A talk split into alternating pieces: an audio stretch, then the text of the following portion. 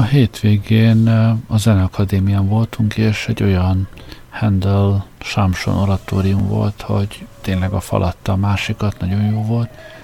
Először persze arra gondoltam, hogy akkor ezt most leadom én is a rádióba, de, de hát három óra az előadás, az úgy nem megy, sőt egy, egy adásra valónyit összevágni se tudtam belőle, mert tényleg minden hangért kár, amit kihagy belőle az ember.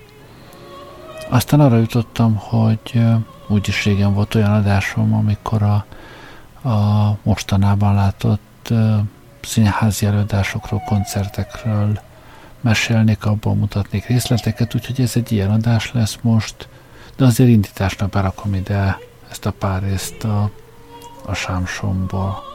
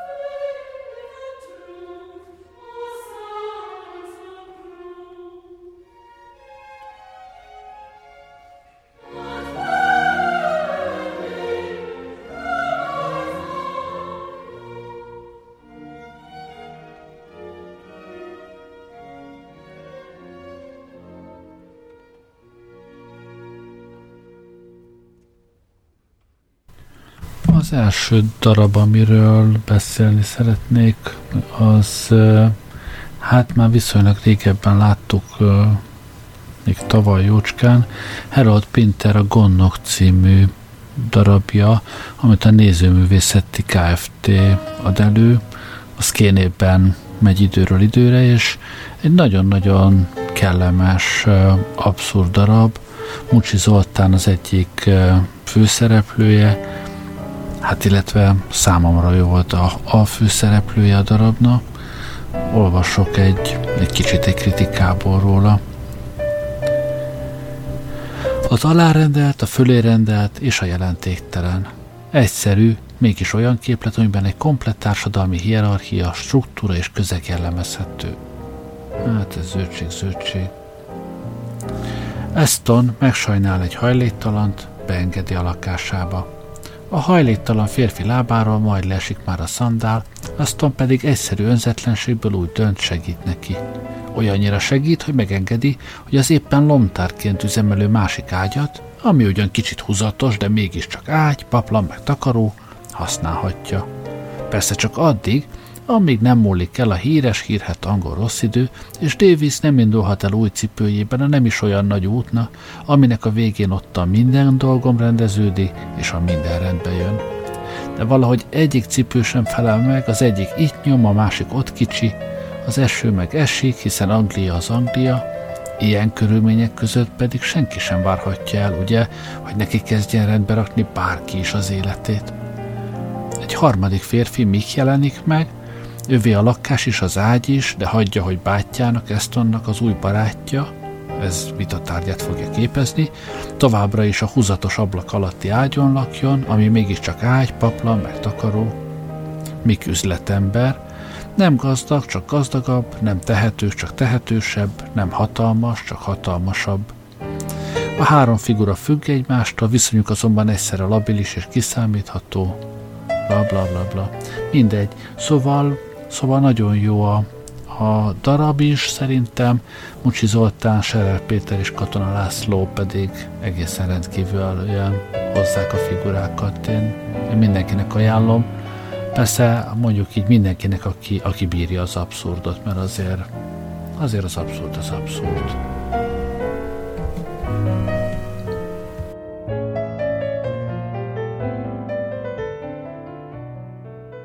Ide figyelj! Lenne egy ajánlatom a maga számára. Lehet, hogy én veszem ennek az egész házak az ügyét a kezembe szerintem sokkal hasznosabban lehetne uh, működtetni. Van egy csomó terve, van egy csomó ötlete. Mit szólna, hogyha itt maradna nálam gondoknak? Mi? Nézd, én ilyen emberre, mint maga rámerném bízni ezt a, ezt a házat, hogy legyen, aki ránézzen. Jó, álljuk meg egy jegyet. Az a helyzet, hogy én még életemben soha nem gondolkoskodtam. Azt nem számít. Nem, nem számít. Én arról van szó, hogy én szerintem maga egy talpra esettem. Igen, én talpra esettem, mert vagyok úgy értem, hogy annak idején kapkodtak utána, ez az igazság. Persze, én rögtön láttam abból, hogy ezt a kést előkaptad magával, nem lehet kukoricát Nem, nem is lehet öregem. Hát látszik magáról, hogy hol szolgál. Hol? Hát, hogy hol szolgál? Hogy hol? Ezt mondom, hogy hol? Hogy, oda. Ja, oda, ja, oda, oda, az Oda át is szolgál! Micsoda? Oda át! Oda, micsoda? A legelső közt voltam oda! Hát láttál, hogy Hogy azt szolgáltam el? Majdnem az első volt, az úgy voltam második. Én pont magát keresem! Micsoda? Magát keresem! De mire? Gondoknak! Ja de várjuk, várjuk, várjuk, jöjjön most akkor, hú, kint a házigazda maga, vagy ő a... Én. Ki más? Okmányokkal tudom bizonyítani. Na jó, figyeljen ide, én nem bánom. a maga kedvéért elvállalom ezt a gondokoskodást, felügyellem én itt magának ezeket a dolgokat. Ölelj meg! Égyni! Ja, na. De majd elintézzük, hogy mind a ketten jól de mind a, mind a ketten. Ezt magára bízom föl. Jó, köszönöm. Kérem. Na, akkor most már csak egy dolog maradt hátra. Micsoda? Hogy tudna egy némi referenciával szolgálni. Mivel? Referenciával, csak az ügyvideinek. Ja, ó, amennyi kell, annyi van, annyi az egész, hogy le kell szaladnom érte szitkapa. Ott annyi van, amennyi csak. Már ma le akartam érte szaladni, csak várom, hogy az idő tisztuljon ki. Mondja, nem, nem, nem tudna, nem tudna nekem szerezni egy rendes párcipőt. Borzasztóan kéne nekem egy rendes párcipőt. Egy rendes párcipőt, nem, nem tudok el, eljutni sehol. Mit gondol? Van rá szansz, hogy esetleg valahol nincs.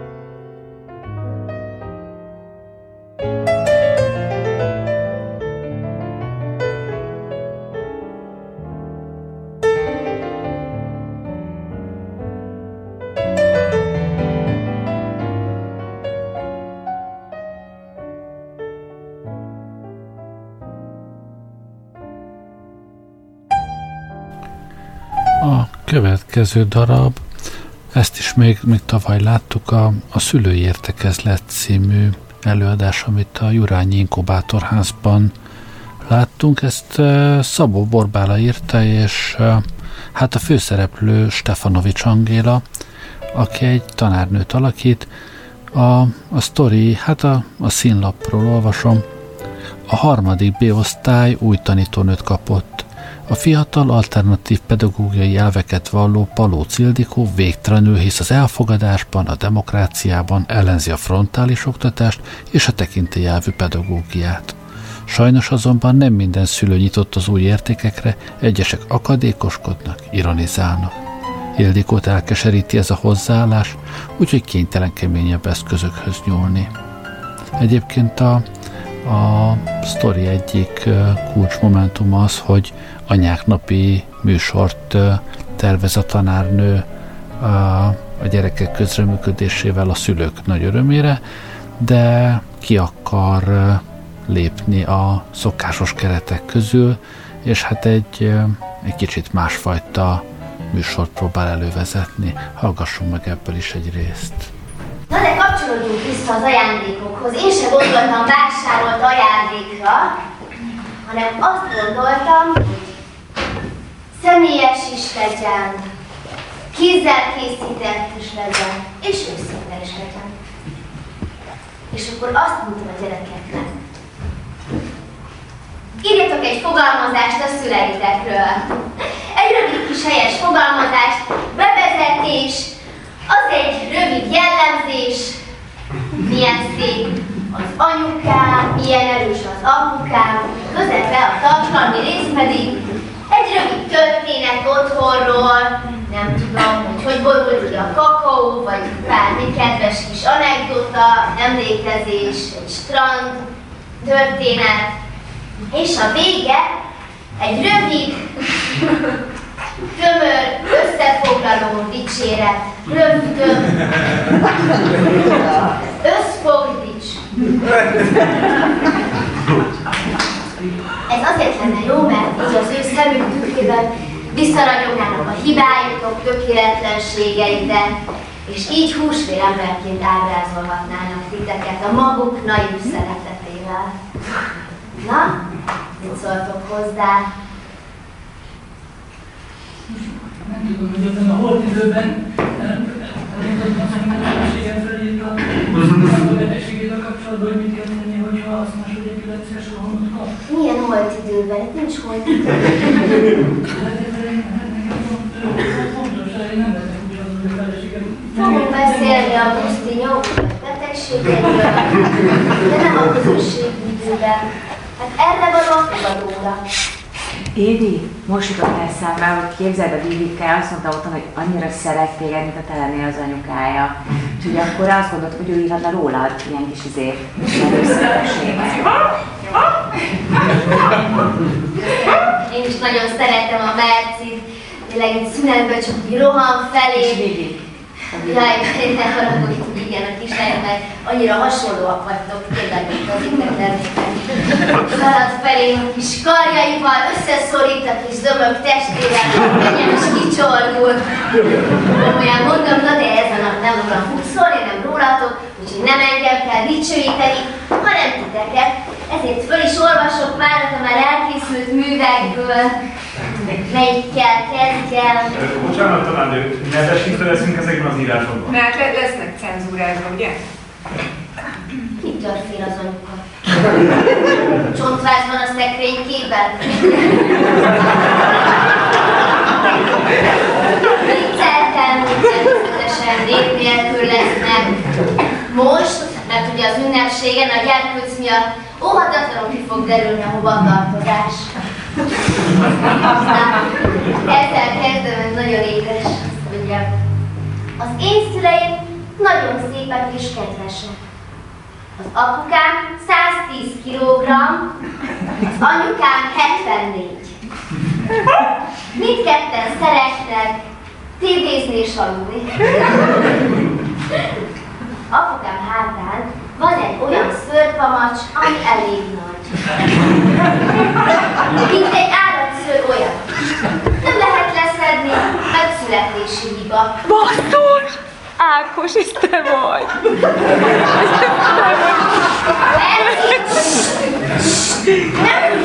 Nem van szó. Név nélkül olvastam. Következő. Egyszer nem tudott beverni egy szöget a falba, és anyukám segített neki. Ő olyan erős. Először nem ment jól, fájtak a számnak. De aztán sikerült, mert nem is olyan nehéz dolog ez. Azóta rájött, hogy képes bizonyos dolgokra. Igen, ez a, ez a Barbara, Bar- Barbara megfogta a jobb kezébe az én jobb kezemet, és akkor rácsaptunk a bal kezemre, és a seprejbe azután és nem fáj. És azóta tudok szögelni. És nem, nem igaz, hogy ez Ne nehéz. vicce már nem ez nem kell ebbe benne. Az én anyukám nagyon-nagyon különleges nő, emese. Nagyon-nagyon-nagyon szép és kedves. Udvarlója? Akad neki bőven. Kéten nyomon, apukámon kívül is. Néha Na jó, ö, Ildikó, szerintem ez kezd már ilyen nevetségesé válni. Menjünk vissza ezekhez az eredeti verses dolgokhoz. Igen, az ünnep az ünnep. Igen, ne variáljuk most már ezt. Ö, nem most igazat mondani el, hogy egy március 15 25-ét, amikor arról van szó, hogy a másnapos március ifjak hogyan lokáltak a vagy például egy karácsonyi, amikor azt ünnepeljük, hogy nem csak a kis Jézus, hanem a méletén is két Máriát. Akkor azt javasolják, hogy hazudjunk, szavaljuk ezeket a megszokott, betanult ritmusokat, szajkózzunk, és nagyunk semmit önmagunkból. Sokféle őszinteség van azt is magunkból adjuk, hogyha belekapunk egy dobozba, és átadjuk a másiknak. Szerintem ne, ne, ne, ne, ne, ne, ilyen undorító dolgok ne gyerek már, hogy kapjuk Nem azt tetszik, amit te mondtál, ez az önmagunkból adni, és ezért azt mondom, hogy legyenek testrészek, amik szépek, tehát hogy hajkincs, vagy fogacska, vagy föld. Elemér, elemér. Mi a véleményed erről? Nem tudom, mit gondolsz, mit gondolsz. Tudod, hogy ez méltatlan, neked se tetszik. Igen, ez nekem sem Igen, hogy ez kurva jó, abszolút, és hogy csak szavamat ne feledjem, hogy itt jobban szeretném én is elharagudni a verseket, ezeket, hogy édesanyám virágosat elmondom. Igen, mert édesen belesült a Viviket, tudod, tavaly. Igen, a Guszti meg rosszul. Ja, Guszti meg rosszul lett. Nem volt levegő. Én javaslom, hogy most nyissuk ki az ablakot, hogy csináljunk előtte. Vagy majd a műsor Azt mondjuk lehetne. Azt Akkor, akkor mindannyian ellene vagytok. Azt mondjátok, hogy maradjunk a verseknél, szavaljuk el, hogy édesanyánk a Szűz Mária, édesapánk a Szent József. Nem pontosan így fogalmaztunk volna, de lényegében igen. Jó, hát végül is nektek kell, hogy tetszen a műsor, nektek fog szólni. Emese ír magára egy gyönyörű fogalmazást. Államtittelő barkácson magát üteni. Periszkópot. Jó rendben, te szögeljél. Meg van magának egy egyes kiforított utakesztyűt. Nem akarok kesztyűt venni, Édi. Most tényleg ne haragudj már már. Ugye, nem akarunk megbántani. Annyira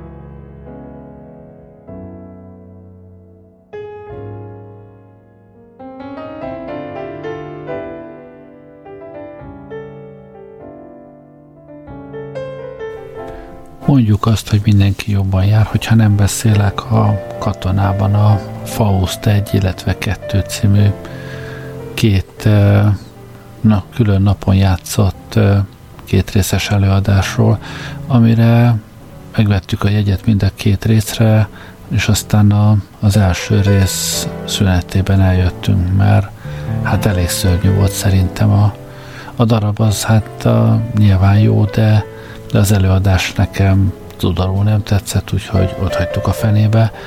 Uh, hát uh, ha valakit érdekel, nézze meg, mondom, én, én nem ajánlom szívem szerint. Ajánlom viszont uh, azt a három pintérbélát, amiről ezután lesz szó. Ezek közül is az első a, a Soha vissza nem térő című darab, amelyik hát egy nagyon érdekes szituációt elemezget, amelyikben egy szocialista vállalatról beszélünk, hát illetve a rendszerváltás közvetlen közelében hirtelen megugró vállalatról, amelyiknek a, a termékére hirtelen szükség támad.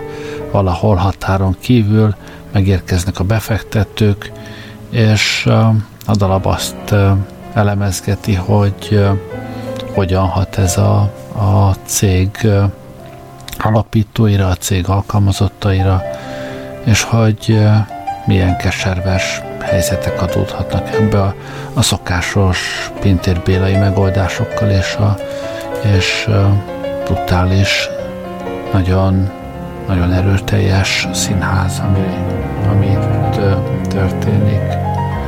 Ebből, ebből nem játszani be darabot, annál inkább a Gyévuska című darabjukból. A Gyévuska ugyanis egy, egy zenés színház, mondhatnám igazából, hogy egy modern opera, amiről szó van, a háborús, világháborús időkben játszódik, és korabeli slágerek, illetve hát ezeket összekötő recitatívok és egyéb zenei betétek alkotják az egész darabot. A sztorit igazából nem lőném le, ez is Pintér Béla, ez is végtelenül erős és hatásos színház, és ebből viszont hoztam ide egy, egy kisebb részletet, hallgassuk meg akkor ezt is.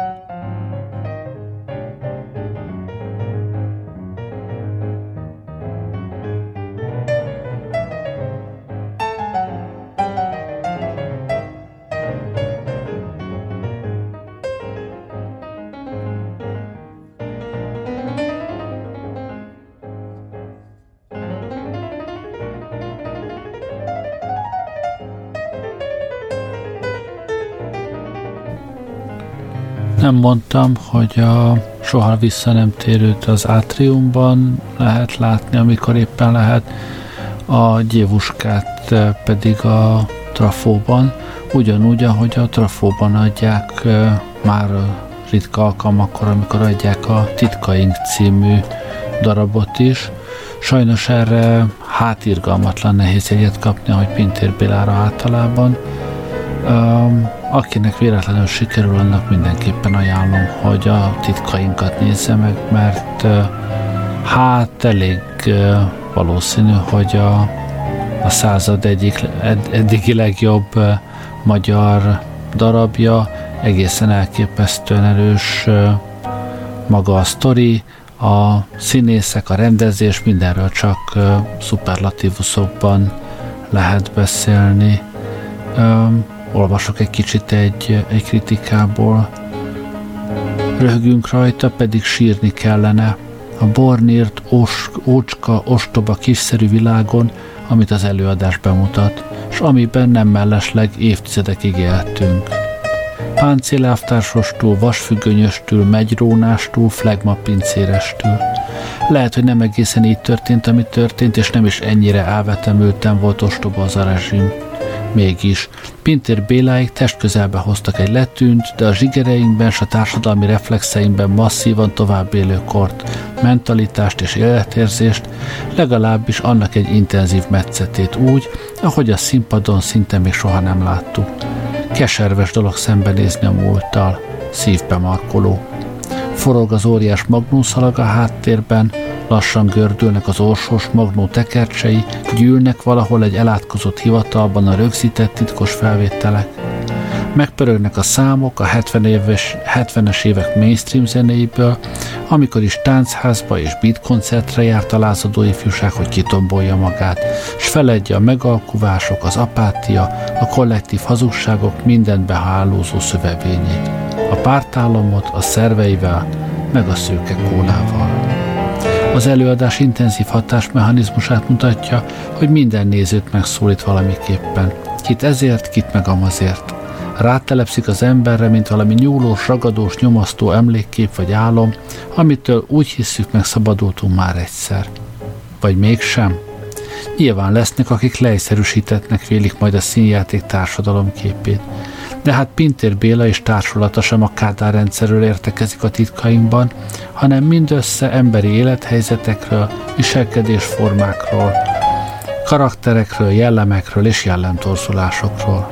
És igen, a mély struktúrák működéséről, meg az emberi pszichében történt roncsolódásokról, frusztrációkról és bűnökről.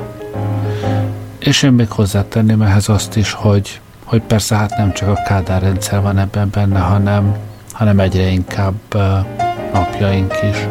de lehet, hogy ezt csak én magyarázom bele.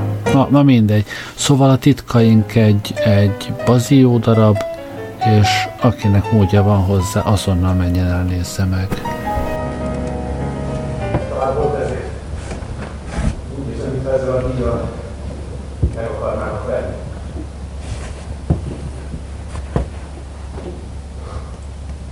Igazad van. Ne félj. Nem mondjuk, hogy megvegyenek. Azzal látunk el, hogy jövő hét kedre hozzak el egy írást Kaurenszki Péter Majakovszki utcai lakásába. Jelen volt Tatár, Kaurenszki, Kis és Bács. Mikor elolvasták az írásról, megjelentetően kijelentették, hogy a stílus túl finom, már-már megengedő. A találkozón egyébként a Vasfüggöny következő számának tartalmáról esett szó. Összességében úgy látom, hogy Tatár és Kaurenszki között harc folyik a vezetői pozícióért. Olyan jelentéktelen dolgokon is össze tudnak veszni, hogy a DAP se jól behagyja Steffel, vagy hogy Tatár tönkrement zsuk buszáért egy újabb zsukot, vagy egy használt markasztására Az összeikatai folyamán, illetve az azóta eltelt időszakban említés érdemlő információhoz nem jutottam. Budapest, 1980. június 30. Pedowski Bálint.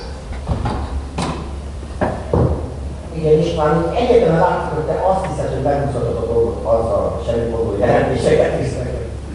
Engem nem film járt el.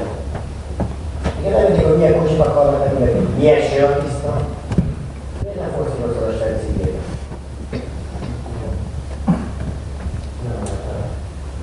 Jaj, mit csináljak én most vele, István? Majd megfelelően találtam a jelentésedet, de elkötelezett szedd össze magad. És akkor ezek úgy fogunk találkozni az alvélemedben. Sokkal jobb, mint a szálló. Összejött négyeni valami, tökéletes. Mennyit fizettél mennyi ki? Kurva ajta van olyan a fáj. Tudod, majd az operatív bizottságban Szalai Jóskán. Kérjenek egy kis költséghozzájárulót. Dehogy ne. Ami jár neked, az jár. Figyelj csak van egy kis honfigyelemben jövő. Hétvégén bemegyünk két haverral, megcsináljuk a kerítést, mert állandóan lopják a cigányok a késsarnak. Kéne nézzétek, minket, nem Nem menjünk szombat délelőtt, megcsináljuk a melót, esetleg koplátszót. Haver szerzett paszolat a vágójútól. Velem is már valahogy át? Szeretem. Ú, ahogy én készítem édesapám, azt imádni fogod. Teszek vele körmöt, majorannát, vastafasz a barikát. Vettem két lábas jön, azt is elmondjuk velük. De nem ám a bolt is jön, hanem a csatos üveges a gyárul, az olyan elméletben. De én is jobban kérnék, ha nem kéne most ezért külön még egy most el. Na? Jó van, most megkérdeztem. Azért még nem kellett nézni, rám végeszálltam volna a küszöbre. És ez volt az utolsó alkalom, hogy elfogadtam tőled egy ilyen trágyi jelentést.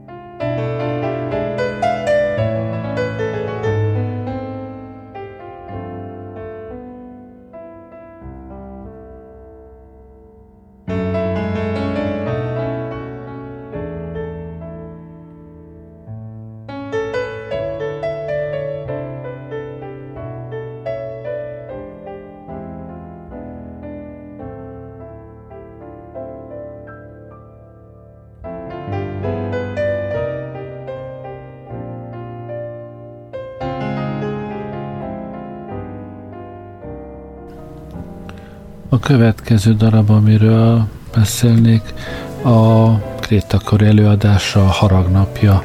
Ez is a, a Trafóban megy, vagy legalábbis ment, akkor nem hisz, nem igen tudok róla, hogy lennének még előadások. Erről az előadásról is előbb olvasok egy kicsit. Kérdés, ha a szabad piacra épülő állam első számú szabálya, hogy mindenki magáért harcol, vajon kivédi meg azokat, akik e harcban elbuknak? 2015 elején egy ismeretlen magyar ápolónő elsőként beszélt a nyilvánosság előtt kíméletlen őszintességgel a kórházakban uralkodó szakmaiatlan és embertelen állapotokról. A nővér fekete ruhába öltözött és az utcára hívta az ország ápolóit. A szókimondó nővér alakja inspirálja a kirétakör előadását, de semmit sem használnak fel az ő valós történetéből. Az előadás a végtelenségig kiszolgáltatott ember tragikomédiája. Azért az emberé, aki mindent megtesz azért, hogy a kezébe vegye a saját sorsát, de vagy külső társadalmi körülmények, gazdasági és politikai mozgások ígéretüket be nem tartó jó akarók, vagy a belső hiányosságok, tapasztalatlanság és tudatlanság miatt folyton elbukik. A nővér családjában három generáció jellegzetes vonásai tűnnek fel – egy korábbi rendszerben szocializálódott öregasszony, aki mindig mindent jobban tud lányánál, soha be nem látva, hogy megszerzett tapasztalatai a mai világban már nem érvényesek. Egy gátlástalan, túlélő szemléletet hirdető tinézser, az ápolónő lánya, aki szerint már semmi sem számít, az életért foggal körömmel harcolni kell, nem szabad hinni senkiben és semmiben főszereplő, a jelenkor kihívásaival szüntelenül küzdködő kisember, aki bár igyekszik bízni embertársaiban, problémáival végül mindig egyedül marad. A történet során feltűnnek korunk ismert figurái, életre kell Európa marginalizálódott felének újkori története. És hát egy, egy bazi erős előadás, egy nagyon jó darab, a színészek egészen, egészen elragadóak, erről a, a színházról is csak szuperlatívuszokban tudok beszélni, és hát ebből is hoztam egy, egy hangfelvétel darabot, hallgassuk meg akkor ezt is. Kedves barátaim!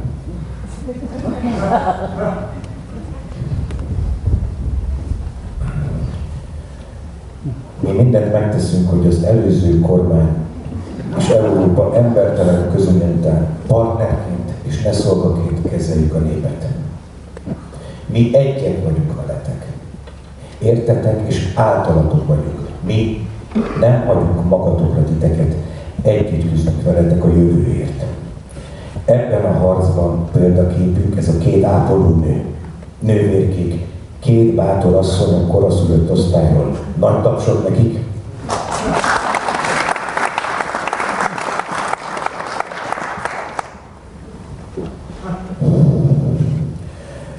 vigyáznak gyermekeinkre életük első óráiban. Vigyázó karjaikban ismerkednek az élet ezen apró csodájával, második édesanyáik ők. Fogadott gyermekeik rendíthetetlen őrei, bátran kiálltak, tüntetést szerveztek, hogy felhívják a figyelmünket, baj van. Mi meghallottunk titeket. Történelmi pillanat a mai, ahogy maguk nevezték, a haragnapja, ahogy én hívom, a demokrácia diadala. És most engedjék meg, hogy ezt a nagyszerű pillanatot megragadva kormányunk nevében miniszteri kitüntetésben részesítsem önöket. Nikolett Erzsébet